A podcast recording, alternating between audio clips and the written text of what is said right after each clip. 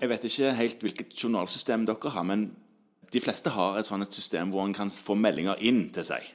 Ja, sånne, sånne fra pasienter eller fra sekretærer. Ja, fra sekretærer akkurat Ja. nå tenkte jeg på det, men fra pasienter òg. Ja. Men da er det jo en sånn klassiker Kan du fornye ditten og datten? Ja. Fordi pasientene har ikke tatt seg umaken eh, med å lukke seg inn og spe om det elektronisk sjøl.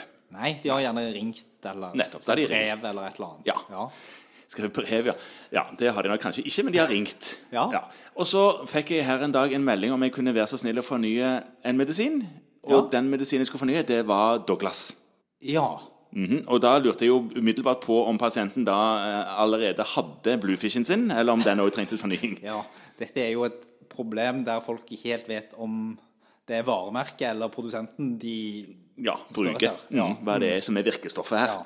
For det er ikke bluefishen som er virkestoffet. Nei. Nei. Det er et eller annet. Det er jo egentlig en, en liten sånn sikkerhetsrisiko, for det at de kan godt ha tre-fire forskjellige pakker som det står Root Bluefish eller Ratiofarm eller et eller annet sånt på. Ja visst. Eh, Og de trenger jo overhodet ikke inneholde det samme. Nei. Men det som er blitt en sånn greie nå, det er jo at folk eller pasienter spør hyppigere om det. Spesielt angående en type medisin, nemlig melatonin. Ja, der er det jo kommet noe nytt. Ja, nettopp. Fordi at før så har du måttet søke om sånn godkjenningsfritak på alle, eller registreringsfritak på alle disse eh, melatoninene, unntatt eh, Depot 2 mg, som har vært på markedet en god stund. Ja. Men nå er det forhåndsgodkjent flere melatoninpreparater. Så du trenger ikke søke om eh, individuell godkjenning. Nei, Nei. det er godkjent 3 mg tabletter. Den Ja. heter melatonin Orifarm.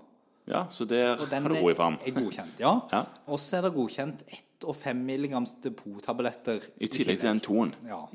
Så nå er det altså da depot 1, 2 og 5 mg, og så er det eh, 3 mg tabletter. Og de, de har en litt sånn smal indikasjon, men Legemiddelverket sier helt tydelig at, at leger kan det står, det står faktisk at eh, leger kan bruke legemidler utenfor godkjent indikasjon. Jeg tror kanskje det betyr at de også kan forskrive de utenfor godkjent indikasjon hvis de tar det der særskilt. Ikke altså. bruke de sjøl. Nei, nå, nå er vel det at leger bruker medisiner de forskriver til seg sjøl, kanskje noe vi skal unngå. Ja, i, hvis ikke jeg snakker om en litt stor pakke med Paracet som man har stående og sånt. Det er greit. Ja. Eh, men så skriver de òg at da er det da disse som skal brukes, og det skal ikke søkes om eh, godkjenning for andre medisiner som er uregistrerte, med mindre det er medisinske grunner til at de ikke kan bruke de forhåndsgodkjente.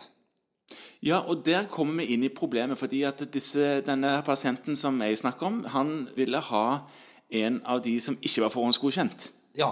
Og, og, og ba meg om å, å på en måte bekrefte det overfor apoteket, sånn at han fikk det. Ja. Og Da må jeg skrive en eller annen epistel på hvorfor det er nødvendig. Ja, og det, Da må du skrive det på Da må du skrive en, et registreringsfritak, sånn som du gjorde før. Ja. Og så må du skrive da, i det tilfellet dette gjelder f.eks.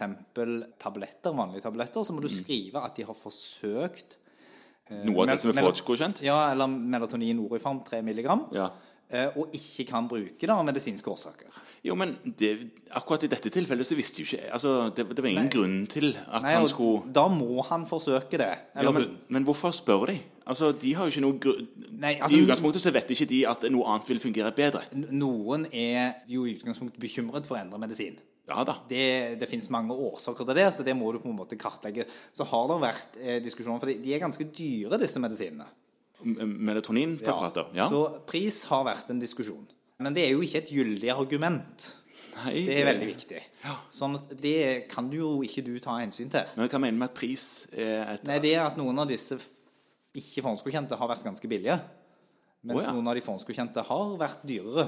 Og så Pasientene, hvis de får eh, på en måte utskrevet en individuell refusjon som går utover ikke de som er forhåndsgodkjent, så vil de betale mindre? Ja, ikke en individuell refusjon, men en godkjenning for å bruke. Ja, en godkjenning for å bruke, ja. ja det, det er det i hvert fall noen som har sagt. Ja, det er jo interessant. Og- Det er jo en tåpelig bruk av legetid. Og Ja, nå kan du si det at det, vi får vel kanskje oppdra pasientene da til å si at når disse er forhåndsgodkjent, så er de fordi de har gjennomgått en annen godkjenning Ja. enn de som ikke er det. Ja.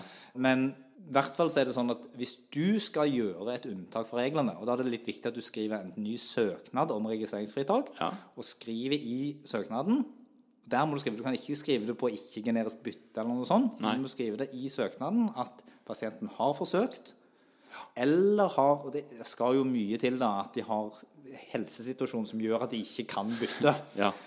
Jeg klarer ikke helt å se for meg hvilke diagnoser det skulle være, men de må iallfall ha forsøkt og funnet at det enten har dårligere effekt, de har gastrointestinale bivirkninger eller andre bivirkninger. Det kan forekomme. Ja. Da kan du søke om å få godkjent et annet preparat. Men hva er det vi prøver å si her nå i denne podkasten? Det er forhåndsgodkjente eh, melatoninpreparater. Det er forhåndsgodkjent tre forskjellige preparater i dosene 1, 2 og 5 mg depot og 3 mg tablett. Ja. Og de kan man bruke, og der sier SLV òg at de kan man bruke selv utenfor de indikasjonsstillingene som står. Nettopp. Greit.